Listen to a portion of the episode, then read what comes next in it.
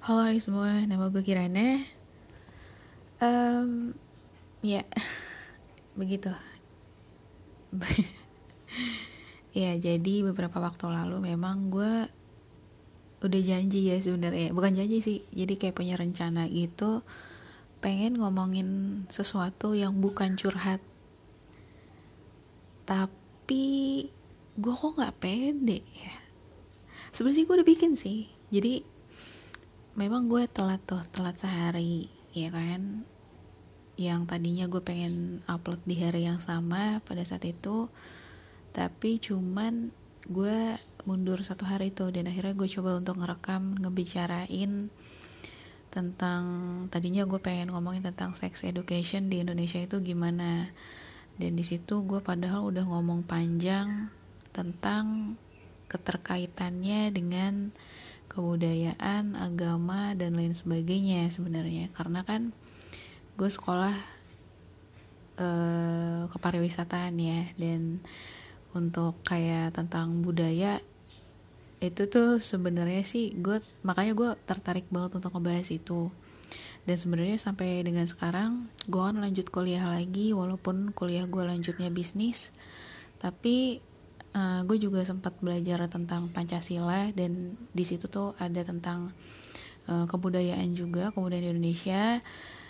Udah secara otomatis kurikulumnya juga udah berbeda dan tadinya gue pengen masuk masukin tuh di situ tuh pengen ngebahas hal dari segi pandangan gue gimana sih baiknya tuh kayak gimana terus tentang aktivis uh, seksual dan kesehatan dan feminisme dan banyak deh pokoknya tapi cuman aduh gue kok kayaknya nggak pede gitu. Gue takut salah gue takut kayak garing bahasan gue dan lain sebagainya. Dan akhirnya gue putuskan untuk tidak upload itu.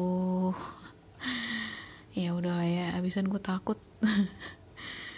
Ntar gue di ya nggak tahu deh ya. Namanya juga pemikiran ya pokoknya intinya gue ngerasa setiap gak tahu kenapa setiap gue kayak mencoba untuk menyalurkan hal atau pemikiran atau pendapat gue yang di luar daripada ranah ya itu namanya ya. Gue nggak tahu namanya apa.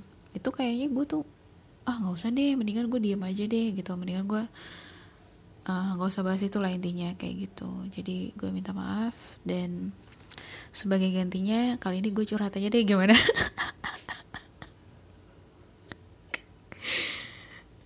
habis gimana ya? Gue tadinya pengen ngebahas hal tentang apa yang gue suka yaitu tentang perbisnisan. Tapi kok kayaknya kok ya jadi gue hari ini itu gak tidur semalaman karena gue mengerjakan tugas kuliah gue dari gue tidur jam 9 tadi malam.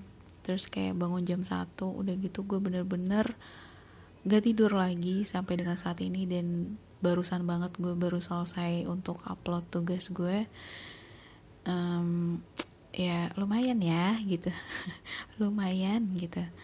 Gila susah banget ya. Mana gue nggak suka hitung hitungan kalau ngitung duit sih gue suka banget. Cuman kalau misalkan kayak ngitung hitung tentang perekonomian ya nggak usah deh gitu. Ya udahlah tapi ya karena memang suatu kewajiban ya kalau misalkan nggak dikerjain juga bobotnya juga besar untuk tugas personalnya. Ya udahlah tapi gue juga gue nggak yakin gue benar tapi gue sudah mencoba sebisa gue gitu. Ya nggak? Iya dong. Ya udah. Jadi terima aja lah ya. Kali ini gue pengen curhat tentang hmm, tentang apa ya? Random aja kali ya tapi lebih ke arah tentang kesehatan mental sih sebenarnya.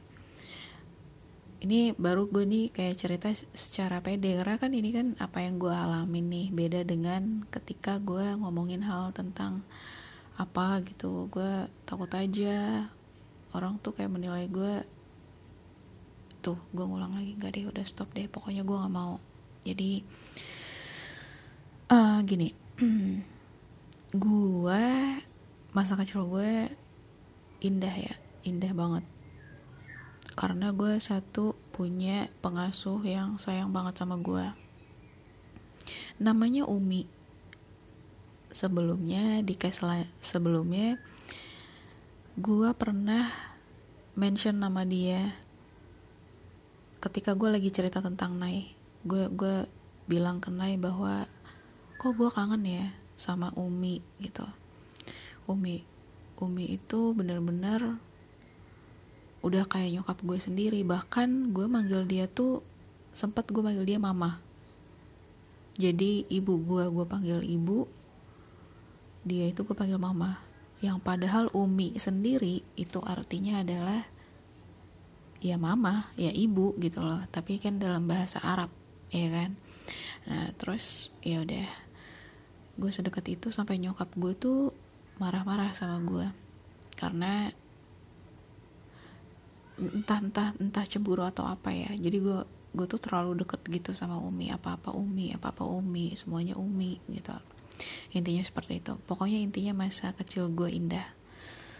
Mungkin gue nanti akan bercerita tentang Umi di lain kesempatan tapi sekarang kayaknya gue lebih pengen fokus ke diri gue intinya gue seneng terus gue juga punya tetangga yang gemes banget gitu loh sama gue. Dulu gue tuh waktu kecil tuh katanya lucu banget kayak boneka gitu.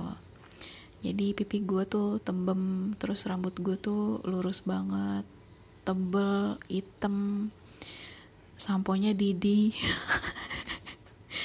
Tau gak sih lu sampo Didi? Yang lagunya Didi Didi ini sampoku. Gitu ya setiap ku mandi di di di iya. Yeah. kayak gitu lah terus gue suka warna eh gue suka rasa anggur loh. Gak penting ya. Apel juga boleh lah.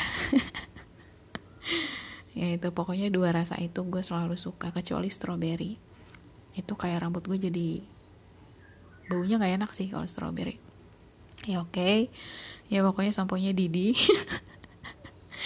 Terus ya gue selalu waktu kecil tuh selalu wanginya tuh hmm, gitu menggiurkan gitu. Bisa bayangin dong lo bocah nyempluk gitu kayaknya dengan pipi tembem. Uh, gue juga dulu juga ah pokoknya gue tuh disukain sama tetangga tetangga gue mata gue besar uh, terus sekel ya kayak gitulah. Nah terus hmm, jadi gue tuh berasa punya orang tua banyak. Walaupun nyokap gue tuh dulu ya kerja mulu gitu ya. Bokap gue juga kerja mulu dari pagi sampai malam dari pagi sampai malam. Ya gue tetap kayak gak kesepian karena gue gue tuh kayak udah punya tempat stop tersendiri gitu loh. Kalau gue lagi pengen main ke tetangga satu ya udah gue main ke tetangga satu. Di situ kan udah pasti gue dikasih makanan. Jadi kayaknya udah udah di rumah tuh udah nggak perlu khawatir lah sama gue terus kalau gue bosan gue pindah lagi ke tetangga dua dan ketiga dan keempat dan banyak lah gitu. Nah terus hmm, ya pokoknya seneng ya seneng kan? Ya terus gue juga punya satu geng asik geng itu terdiri dari satu cowok dan tiga cewek. Gue Joko Putri. Satu lagi siapa ya? Siska gitu. Ya kita berempat. Sebenarnya sih ada satu lagi tapi gue lupa. Karena pada saat itu gue masih kecil banget dan dia pindah rumah gitu. Yang gue inget cuman itu doang. Nah terus um, udah kita tuh selalu naik sepeda bareng main bareng semuanya bareng bahkan gue juga pernah nginep di tempatnya Joko dan kita dan nyokapnya tuh juga sayang sama gue. Jadi kita tuh tidur di dalam satu kasur gitu. Ada Joko gue dan emaknya. Bapaknya kagak ada lah. Gitu. Itu sam sambil nunggu gue jam ngaji sih. Jadi dulu juga gue waktu belum sekolah gue itu udah dimasukin TPA kenapa? Orang tua gue itu nyokap gue masih dulu ya. Dulu itu kayak apa ya gak punya agama kali ya.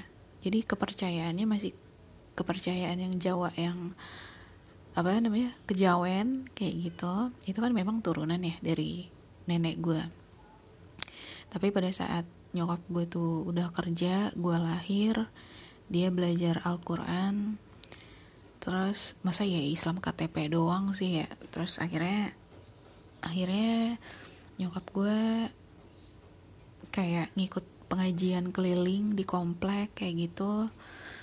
Dari situ nyokap gue nggak mau kalau gue tuh buta tentang agama. Jadi dia tuh juga nggak mau repot sih ya ngajarin gue karena memang ya mungkin ilmunya juga terbatas kali gitu. Ya udah akhirnya gue dimasukin ke TPA di TPA gue banyak lagi dong teman ya kan. Gue apalagi punya sepeda tuh yang keren banget. Sampai dicolong orang sepeda gue terus akhirnya pas lagi pas banget sih kebetulan. Sepeda gue lagi di bawah gue gue teriakin tuh woi sepeda gue gitu. Eh dia balik lagi. Untung jujur ya. Kalau enggak kan susah gue ngejar ya pakai apa gue nggak punya ilmu ya kan? Susah deh tuh gue ngejar ya. Tapi ya udahlah. Udah gitu gue udah senang senang gue jatuh pulangnya. Masih ingat sih. Ya tapi ya udahlah. Terus um, udah tuh di TPA gue juga punya banyak temen ya. Terus um, sebenarnya sih gue di TPA itu adalah masa-masa ketika gue suka sama cewek. Itu namanya nah lo gue lupa. Gue lupa namanya siapa. Inke kalau nggak salah. Inke ya Inke. Inke itu dia gue katakan gimana ya dibilang cantik enggak tapi menurut gue menurut gue tuh dia berkarisma dan menarik aja gitu. Suatu hari dia cerita dan bisik-bisik ke kuping gue gitu. Iya tadi gue ngeliat si Rama dia tuh kayak nyium pipi si siapa gitu ceweknya. Terus kayak gini nih gitu. Terus gue yang pipi gue dicium sama dia. Terus kayak gue ngerasa wow kok gue suka ya? gitu. Nah terus gue pura-pura bego kan. Gue gimana gimana? Gue gak ngerti gitu kan. Padahal masih bocah tuh. Gimana? Ulangin ulangin ulangin gimana? Iya jadi tadi diulangin lagi. Diulangin lagi sama dia. Terus gue kayak dapet dua kecupan. Menang dong gue menang banyak lah. Terus akhirnya dari situ ini gue nggak tahu gue nggak tahu gue bego atau dia bego gitu jadi gue bilang gini ke dia karena waktu itu kan dia ceritanya udah udah pas pengen pulang ya. Udah pas pengen pulang gue bilang kayak gini aduh gue bingung gue gak ngerti gini aja deh nanti lu kan ketemu lagi tuh sama gue hari Jumat. Nah hari Jumat lu ceritain. Lagi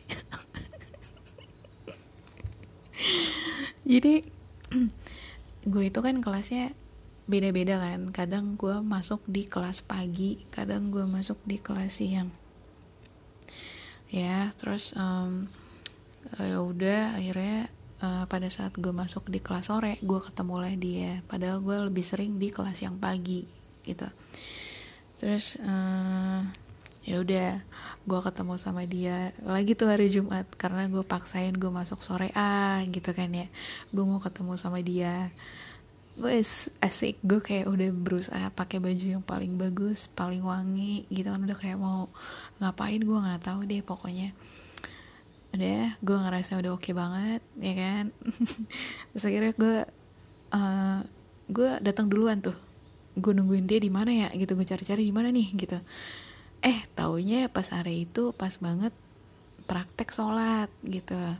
Nggak nggak apa namanya? Nggak nggak apa ya namanya. Nggak belajar di kelas lah gitu nggak baca Al-Quran kayak gitu gitu nggak. Udah kayak ya, tapi, tapi ya udahlah gitu. Udah gue tungguin di tangga masjid ya kan. Supaya ketika dia lewat ya gue tahu dong gitu ya kan. Gue tungguin mana nih orang? Kagak datang datang jangan-jangan dia masuk pagi gitu. Eh enggak ternyata.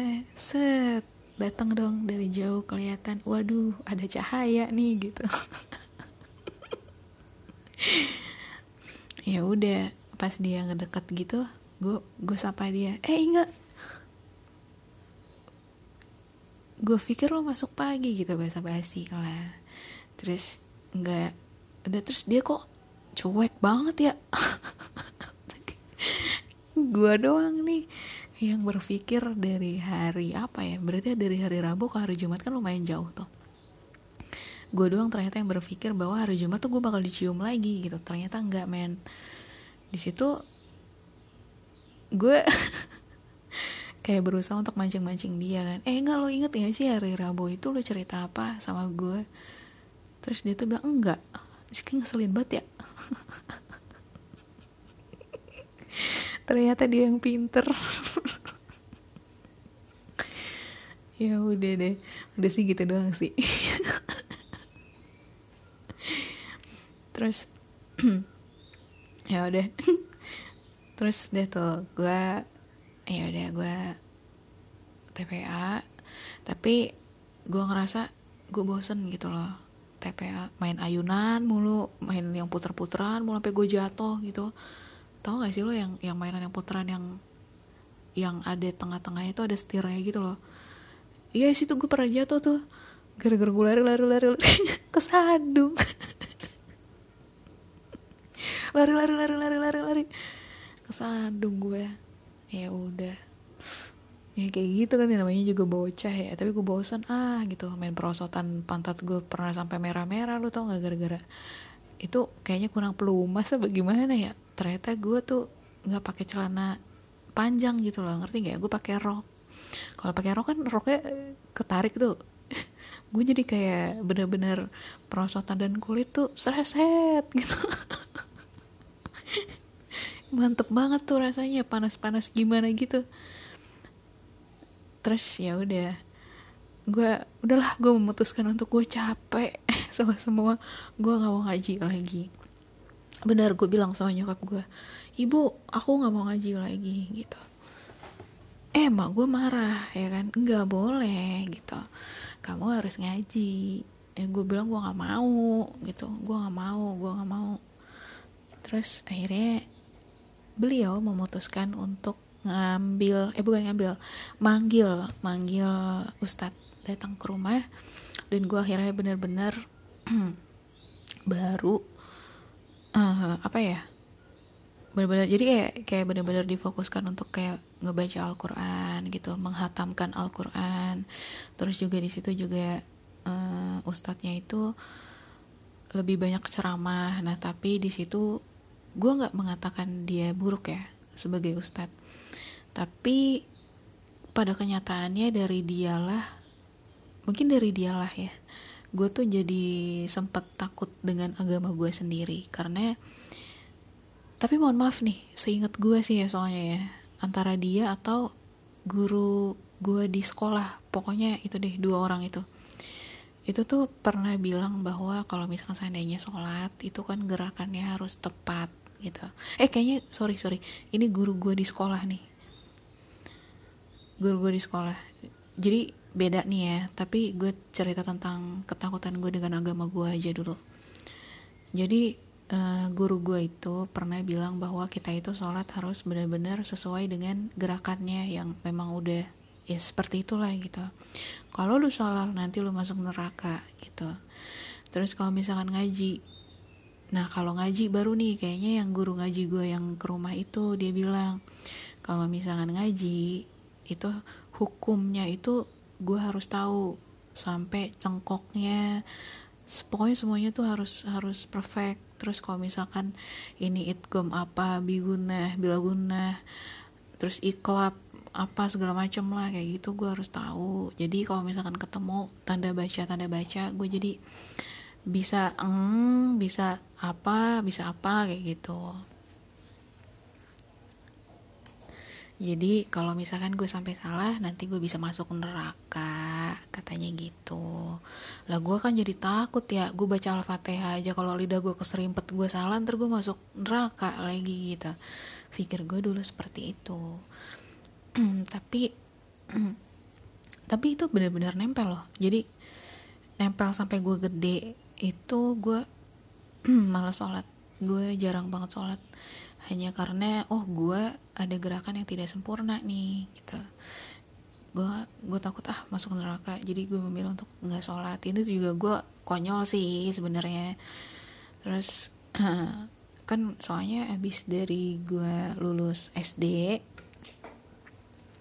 gue tuh kayaknya udah udah nggak pernah ada pendidikan agama lagi gitu ya. Kecuali dari dari sekolah ya emang bener-bener kalau misalkan ada pelajaran agama nah itu baru gue belajar agama. Di luar daripada itu kayaknya gue udah nggak pernah lagi. Karena setelah gue khatam dan dan intinya gue udah selesai SD gitu udah lulus SD gue udah bilang sama nyokap gue udah kayaknya udah cukup deh gitu. Nggak usah ngaji lagi udah bisa gitu. Ya udah. Akhirnya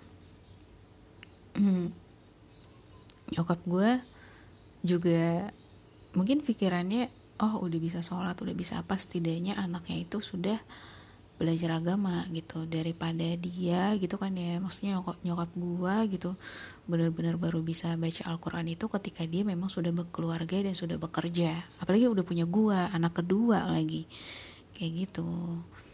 Kayak gitu doang sih. Nah terus gue menghargai banget sih gue terima kasih banget sih sama nyokap gue karena dari dari agama itu walaupun ya walaupun memang gue mendapat pelajaran yang bisa dikatakan apa ya Islam yang ekstrim kali ya.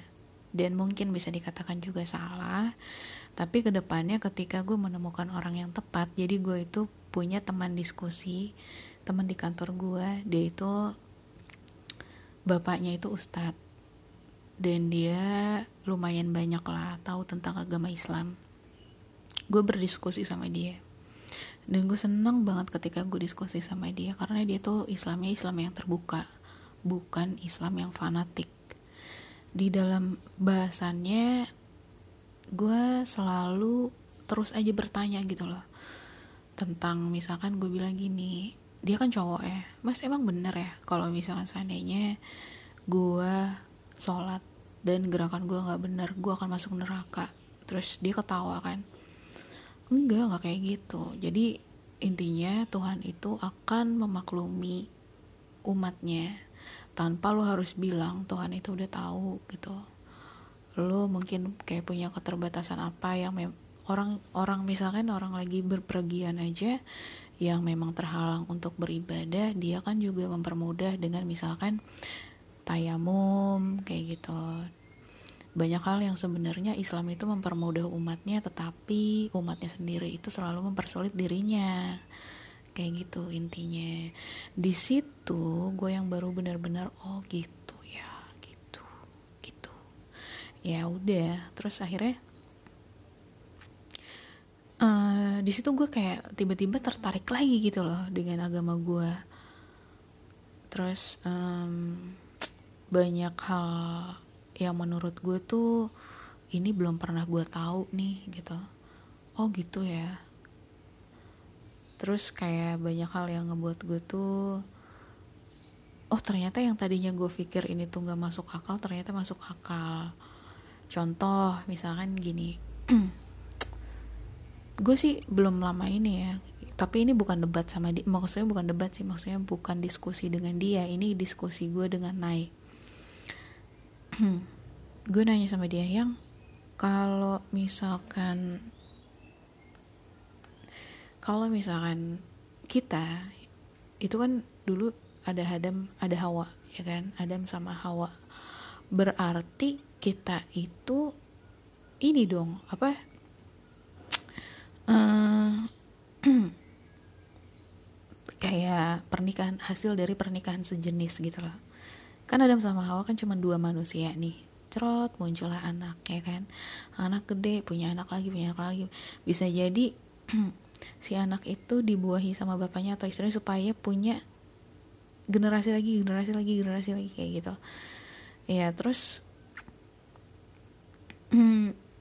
si Nai bilang ya memang iya ya karena pada saat itu ya memang memang seperti itu lo nggak mungkin ada bayi turun dari langit sih. Memang prosesnya manusia seperti itu. Dan lagian juga itu kan udah umat-umat yang ini apa? Tapi gue bingung ya kok ada ada ras yang berbeda? Itu ya gak sih? Pertanyaan gak sih lo itu yang itu yang ngebuat gue bingung kenapa ada ras hitam ada ras Cina ada ya macam-macam lah ya. Kenapa ada kayak gitu ya? Ada yang bisa bantu jawab nggak? Itu sih kayaknya gue pengen nanya nih bentar lagi deh. Nanti habis ini gue langsung telepon si Nay kira-kira itu ras munculnya dari mana? Ya kayak gitu terus. Udah. Udah toh itu udah tentang soal pendidikan ya itu pendidikan. Terus kalau misalkan gue di dalam keluarga itu nah ini nih gue nggak bisa ketawa-tawa nih soalnya sedih banget nih. Gini jadi ceritanya begini. Gue itu anak kedua dari dua bersaudara. Kakak gue laki-laki. Terus um, kebetulan gue punya bapak ya bokap gue itu dia lulusan pendidikan militer. Pada saat itu bokap gue sih pekerjaannya security ya.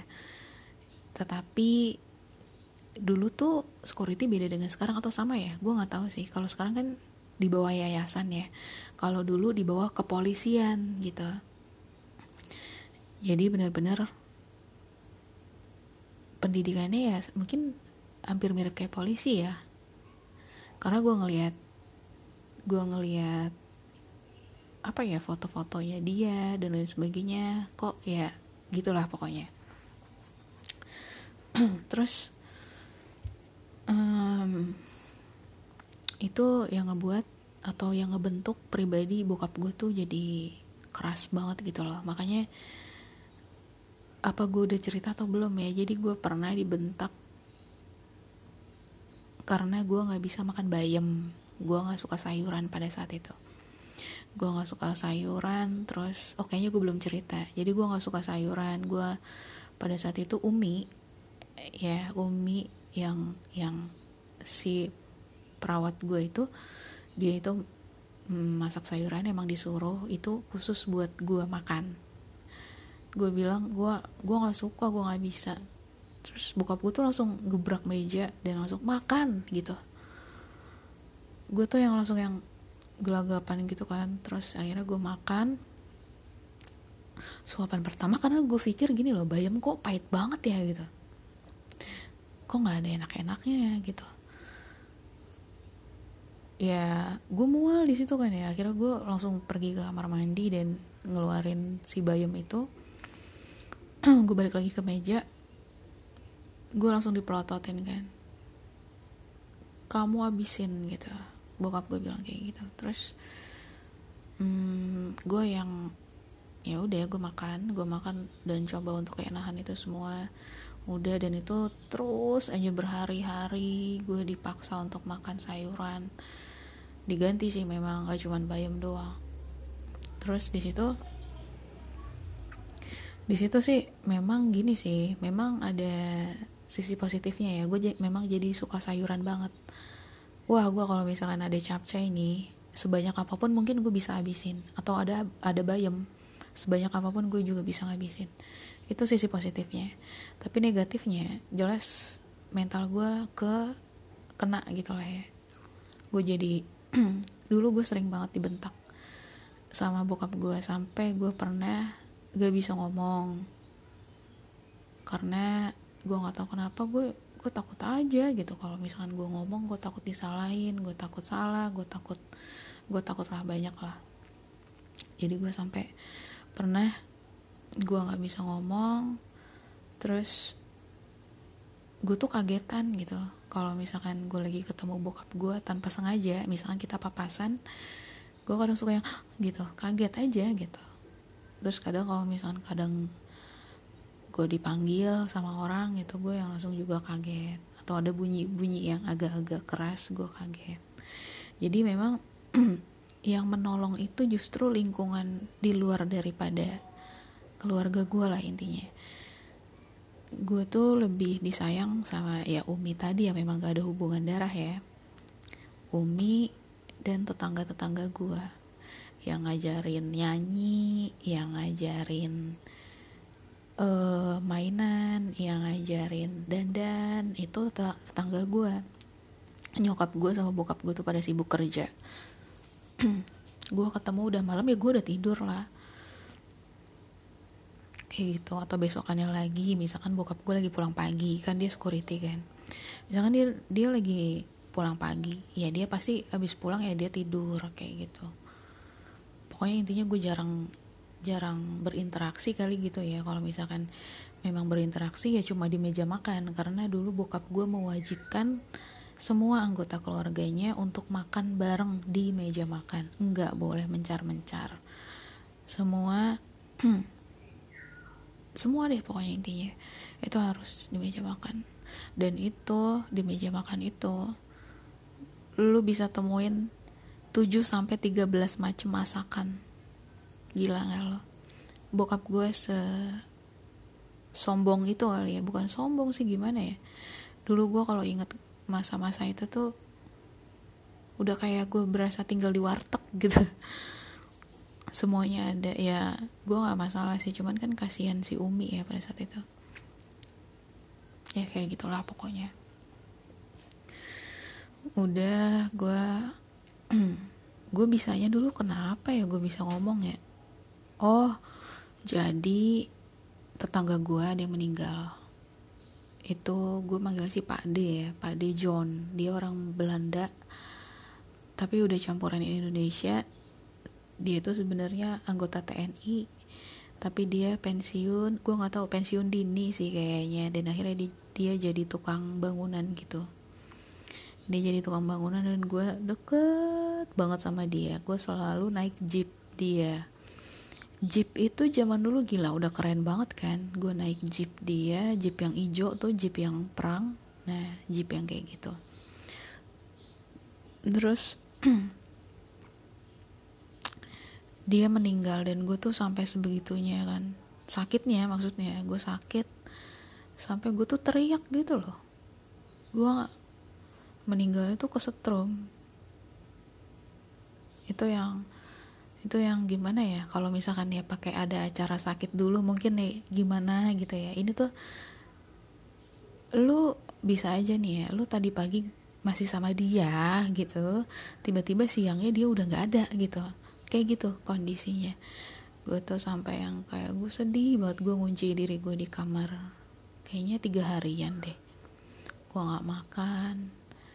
Gue pokoknya gue nangis gitu padahal gue masih kecil tapi karena memang karena gue nggak ya itu tadi ya karena gue nggak menemukan orang yang menyayangi gue gitu rasanya. Jadi ketika ada orang yang benar-benar sebegitunya sama gue gue tuh sampai ya sesakit itu gitu.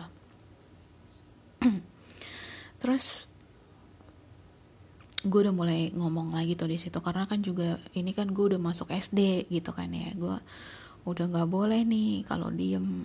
Akhirnya gue gue masuk SD gue ngomong kayak biasa. Tapi ya tetap aja gue jadi anak yang mungkin pemalu gitu kali ya.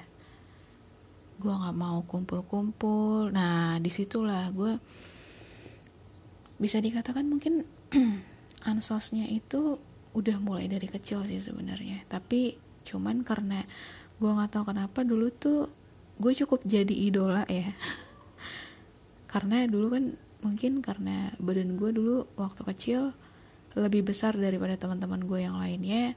Yang jadi idolanya karena gue narikin teman-teman gue aja gitu. Teman gue tuh jongkok gitu kan. Tangannya gue tarik jadi dia gue seret gitu set gitu dia senang banget gitu. Jadi gue tarik kayak gitu. Kan capek ya. Tapi mereka pada seneng ya udahlah. Asal mereka seneng kayak kayak gitu kerjaan gue. Terus lama-lama gue jadi disenengin. Terus lama-lama cowok-cowok tuh pada pengen bukan pada pengen sih emang pada mainnya sama gue. Karena apa? Dulu gue termasuk anak yang hmm, apa ya? Tomboy kali ya. Cukup tomboy. Jadi gue tuh kalau olahraga gue seneng banget. Orang main layangan gue bisa maksudnya bisa megangin benangnya gue nggak bisa main layangan. Tapi cuman intinya gue ikut gitu loh ikut berpartisipasi lah megangin apa kek gitu. Nah terus kalau misalkan main bola gue bisa bisa jadi kipernya.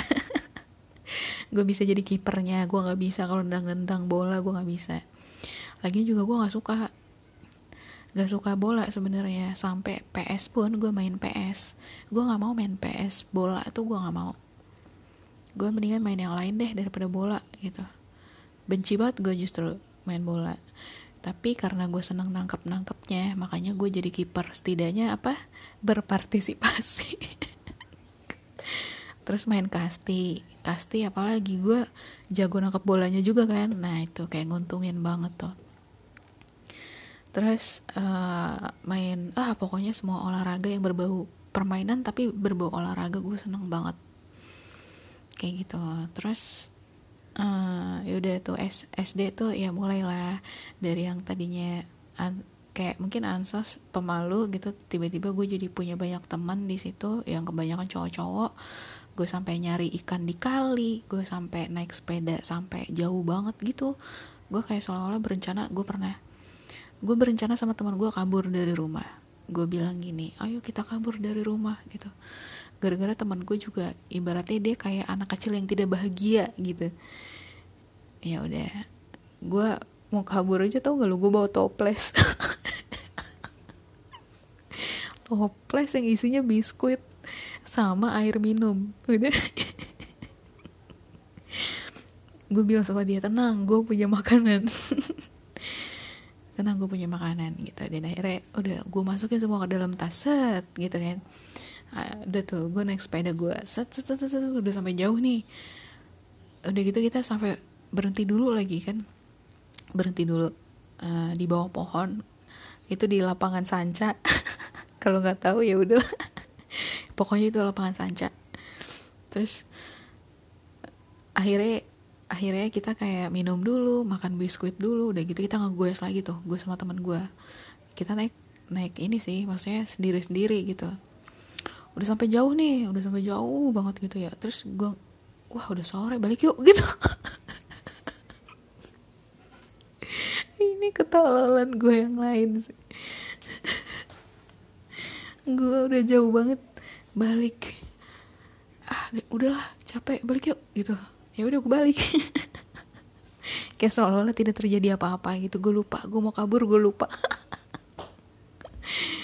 ini konyol nyokap gue kayak seolah-olah tidak tidak bahkan nyokap gue tidak merasakan bahwa gue udah kabur dari rumah. Kayak orang bener gitu loh gue. Nah terus apalagi ya gue tuh gue jadi gue deket banget nih sama satu cowok. Sampai kita tuh dikira pacaran kan. Ke mana-mana tuh pasti ya kebetulan pada saat itu sih gue bilang bawa sepedanya sendiri-sendiri aja. Karena biasanya dia tuh pasti satu sepeda sama gue gitu loh. Kadang gue tuh dibonceng sama dia kayak gitu. Kadang kita gantian aja gitu.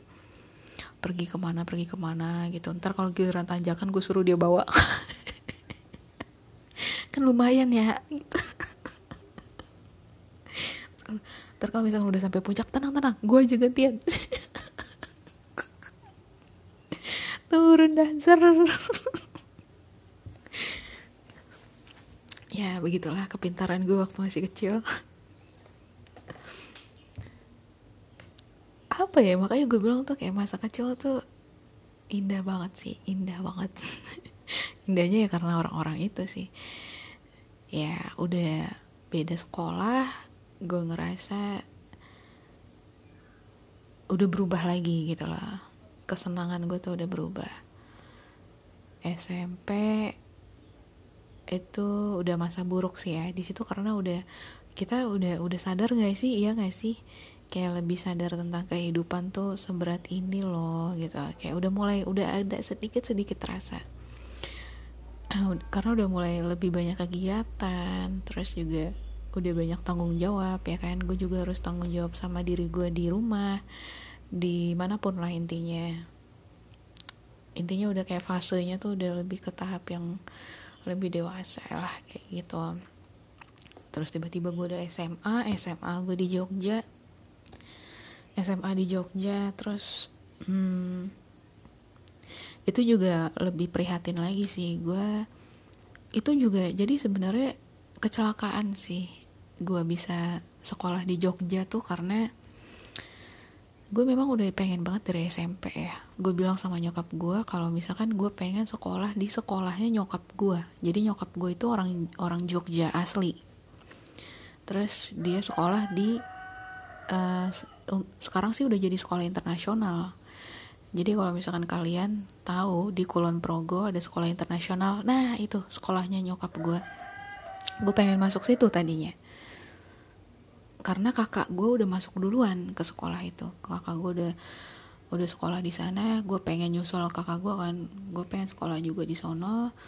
Udah nih gue udah udah siap semuanya nilai udah siap. Gue merasa nilai gue udah cukup. Tapi tau gak sih ternyata di sana nilainya 10 matematika 10 gue matematika 8 terus ternyata ada perbedaan kurikulum. Nah di situlah gue ngerasa aduh gitu gue salah nih jadi di sana itu gak ada algoritma yang yang sinkos kayak gitu gitulah di gua belajar. Kan beda ya pantesan mereka dapat 10 terus pokoknya ada beberapa pelajaran yang mereka tuh nggak ada gua ada. Di situ nilai gue udah ambruk sendiri karena ternyata uh, lawan gue nggak sepadan gitu kan. Akhirnya gue ketendang ketika gue ketendang dan gak keterima di sekolah itu gue jadi bingung. Karena kalau seandainya gue balik lagi pulang ke rumah sekolah di sana sudah tutup di rumah gue gitu di daerahnya di daerah uh, rumah gue gue kan tinggal di Depok ya. Nah sekolah di Depok itu udah tutup pendaftaran. Nah terpaksa nih gue harus bener-bener sekolah di Jogja. Pada saat itu adalah adalah lagi ada orang yang tiba-tiba menghampiri gue nanya kenapa dek? Karena gue mungkin kelihatan sedih ya. Itu guru sih guru. Gue pikir dia itu guru dari sekolah itu. Gue bilang iya pak. Saya nggak masuk nih nggak di, nggak diterima gitu. Eh taunya dari belakang nyokap gue bilang. Wah Pak Bahri Samsul Bahri namanya. Kebetulan beliau udah meninggal sih. Nah ternyata dia itu temen sekelasnya nyokap gue gitu. Teman sekelasnya nyokap gue pas banget kan jadi kayak kayak jadi sinetron gitu. Nah terus dia bilang gini udah kamu gak usah sedih kamu sekolah aja di ada sekolah negeri lagi tapi di di pedalaman dan itu sebenarnya masih baru. Gua itu angkatan ke dua apa ketiga ya? Kedua. Gue itu angkatan kedua kelulusan gitu berarti kan itu kayak masih baru banget ya?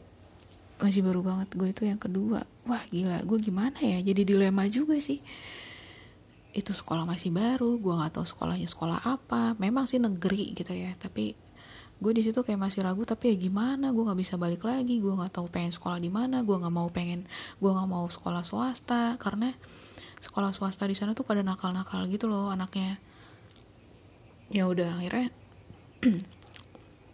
gue nekat gue ambil dong sekolahnya. Terus soalnya si Pak Samsul itu bilang bahwa dia juga guru di sana. Jadi memang dia guru di sekolah itu tapi dia juga guru di sana. Jadi dia gurunya tuh pindah-pindah gitu. Dan katanya gurunya tuh juga sama ibaratnya itu tuh sekolah cabang lah gitu. Negeri tapi cabang katanya kayak gitu. Karena semua pengajarnya kebanyakan juga dari sekolah ini gitu katanya. Ya udah di situ gue kayak semakin oke okay lah gitu. Udah tuh gue daftar ya kan. Walaupun perasaan gue sedih tahu nggak lo adanya di mana? Di Nanggulan. Kalau kalian tahu kabupaten yang ada di Jogja Kabupaten Kulon Progo di situ ada yang namanya daerah namanya Nanggulan yang semuanya tuh sawah. Kanan kiri sawah. Bener-bener sawah kagak ada bangunan. Ya paling bangunan tuh bangunan yang agak mewah tuh bangunan kelurahan gitu deh kayaknya. Kayak gitu-gitu doang. Rumah tuh kayak masih ke dalam masuk ke dalam kan kalau di Jogja gitu kan. Jadi sawah itu justru yang di pinggir jalan gitu loh. Kalau misalkan rumah masih agak kedalaman gitu kayak gitu kebanyakan gitu. Dulu dulu ya tahun 2000 2006 berarti ya. Eh 2000 berapa dah? 2006 betul. 2006 itu kondisi Jogja masih seperti itu. Semuanya sawah Nanggulan tuh sawah semua. Udah wah gue makin sedih. Gue gue tuh lihat-lihatan sama nyokap gue kan. Nyokap gue apalagi gitu. Nyokap gue mungkin hatinya tuh udah kayak hancur kali ya karena dia tuh kan yang apa ya dia udah yakin nih pengen nyokolahin gue tapi ternyata gue nggak dapet gitu loh. Dia tuh kayak dia yakin gitu. Ya gimana? Udah nyampe di sini gue udah daftar posisinya itu sekolah gue pas gue akhirnya kan gue datang ya penasaran sekolah gue kayak gimana sih gitu kan ya. Kira gue sekeren sekolah yang itu. Ternyata ketika gue datang hanya satu bangunan coba lo bayangin. Hanya satu bangunan yang terdiri dari tiga kelas. Angkatan pertama hanya satu satu kelas aja yang isinya hanya 12 orang kalau nggak salah. Dan gue adalah angkatan kedua. Gue jurusan komputer jaringan di sana. Udah itu eh berarti gue angkatan ketiga karena satu kelasnya lagi angkatan kedua. Nah iya benar berarti gue angkatan ketiga. Pas banget dong kelasnya ada tiga ya kayak itu di situ aja kayak uh, ruang gurunya tuh masih kecil gitu lah ruang gurunya. Gue nggak tahu deh tuh gimana gitu guru-guru di sana tuh gimana ngebagi mejanya gue nggak ngerti. Karena cuma hanya hanya ada satu bangunan. Di situ gue semakin kalut banget perasaan gue gimana nih? Gue gue tinggal gue gue posisinya gue tinggal di Wates ya kan? Di tempat gue sih ngekos ya sama kakak gue kakak gue tuh belum lulus pada saat itu. Gue gue tinggal di Wates tapi gue sekolah di Nanggulan. Gimana deh tuh coba? Soalnya kalau misalkan gue mau tinggal di Nanggulan di sana nggak ada kos. Adanya rumah warga. Rumah warga gue nggak mau gue mana nggak kenal gitu ya udah gitu kan kamarnya juga dijadikan satu kan dan gue lebih baik ngebelain tinggal di Wates gitu. Udah gue tinggal di Wates uh, eh, gue berarti kan bolak-balik gue pakai bis kan. Dan lo tahu pada saat itu bis itu nunggunya tuh satu jam paling enggak itu udah beruntung banget satu jam. Lama banget kalau nggak ada gue jalan kaki jalan kaki sampai nanti gue ngeliat ada bis gitu. Baru gue berhentiin. Itu juga beruntung kalau misalkan bisnya itu kosong. Kalau bisnya penuh gue harus berdiri. Kayak gitu. Itu kayak bener-bener cerita yang mungkin gue nggak nggak bakal lupain gitu. Seberapa sulitnya gue sekolah di Jogja dan tentang uh, gimana gitu loh. Nanti mungkin gue pengen banget ceritain ke anak gue gitu supaya eh lo prihatin emak lo prihatin gitu. Kayak gitu sih. Terus akhirnya ya walaupun gak lama dari situ mungkin ya setahun gue tinggal di sana lah ya nyokap gue bawain motor gue. Kan gue tadinya kan punya motor kan di sini di rumah. Terus akhirnya nyokap gue mungkin gak ada setahun lah gak ada setahun bawain motor untuk untuk gue pergi gitu lah ya. Untuk kayak karena kan sekolah gue jauh gitu dan gue bilang bahwa gue tuh sesusah itu nunggu bis gitu. Terus kalau pulang sekolah gue harus harus berantem dulu sama temen gue gitu supaya muat di dalam satu bis itu. Kalau nah ini gue ada satu temen. Bilangnya sih temen ya tapi gue lupa nih namanya. Kebiasaan banget gue kalau udah nginget nama tuh lupa. Katakanlah Sri ya kayak namanya Jawa banget gitu. Sri. Jadi si Sri ini dia tuh setia gitu sama gue gue tuh kan jadi itu kondisi tuh bis tuh selalu penuh kan ketika kita pulang soalnya kan semua pulang nih ya kan? Nah dalam satu bis secara otomatis udah langsung penuh gitu kan. Gue udah berusaha banget untuk masuk tapi ya namanya bocah-bocah ya langsung berbet berbet aja gitu sambar sambar aja. Dan akhirnya intinya gue gak kebagian lah gitu. Nah terus si Sri ini bilang uh, dia mau nemenin gue gitu padahal itu kondisinya ya gue udah mungkin berasa udah nggak ada bis lagi. Setelah bis itu tuh nggak ada gitu. Kalau di sana kan terbatas ya kalau udah jam dulu sih gue udah jam 2 jam 3 tuh udah nggak ada bis lagi di daerah Nanggulan itu. Jadi keneknya itu sih yang ngasih tahu udah nggak ada lagi udah nggak ada lagi. Bisnya udah masuk aja daripada gue jatuh ya kan? Gelantungan gelantungan gue berpikir positif pasti masih ada setidaknya satu lagi dalam hati gue gitu dia tuh si Sri itu nemenin gue gitu. Padahal mungkin ya mungkin dia mungkin bisa aja gitu gelantungan sampai keluar keluar gitu. Mungkin bisa aja tapi dia nggak memilih melakukan itu dan ninggalin gue justru dia kayak eh aku tungguin gitu. Nah terus gue berpikir kayaknya kayaknya kita jalan kaki aja yuk. Bener tau gak sih? Gue jalan sampai 2 kilo gue jalan kaki 2 kilo gue gue mikir gue mikir mungkin si keneknya tuh benar udah nggak ada nggak ada bis lagi yang lewat. Tapi ya namanya ini keajaiban sih. Ada bapak-bapak naik mobil berhenti gitu terus bilang dek mau ke mana? Terus gue bilang saya mau ke Sentolo pak. Dari Nanggulan itu gue bilang saya pengen ke Sentolo pak. Baik-baik. Udah gitu bagus-bagus sih. Kalau bisa bapak ke Wates aja. Ya, mungkin emang gimana ya gue emang udah rejeki gue gitu. Akhirnya si bapaknya bener tujuannya sih sama sih ke arah Sentolo ya udah. Wah gue dengan keringat bercucuran gue natap si Sri akhirnya cuy gitu. Akhirnya akhirnya gue ketemu sama bapaknya dan akhirnya kita benar-benar sampai ke Sentolo. Nah kalau udah di Sentolo udah aman. Udah di Sentolo udah aman. Gua, itu tuh Sentolo masih sampai jam 5 jadi gue kalau pulang sekolah jam jam 2 gitu misalkan itu masih ada waktu. Nah situ gue udah aman. Kebetulan gue sama dia itu satu arah. Dia rumahnya juga di Wates. Ya udah ketika dia turun ya makasih loh gitu dalam hati gue tuh makasih.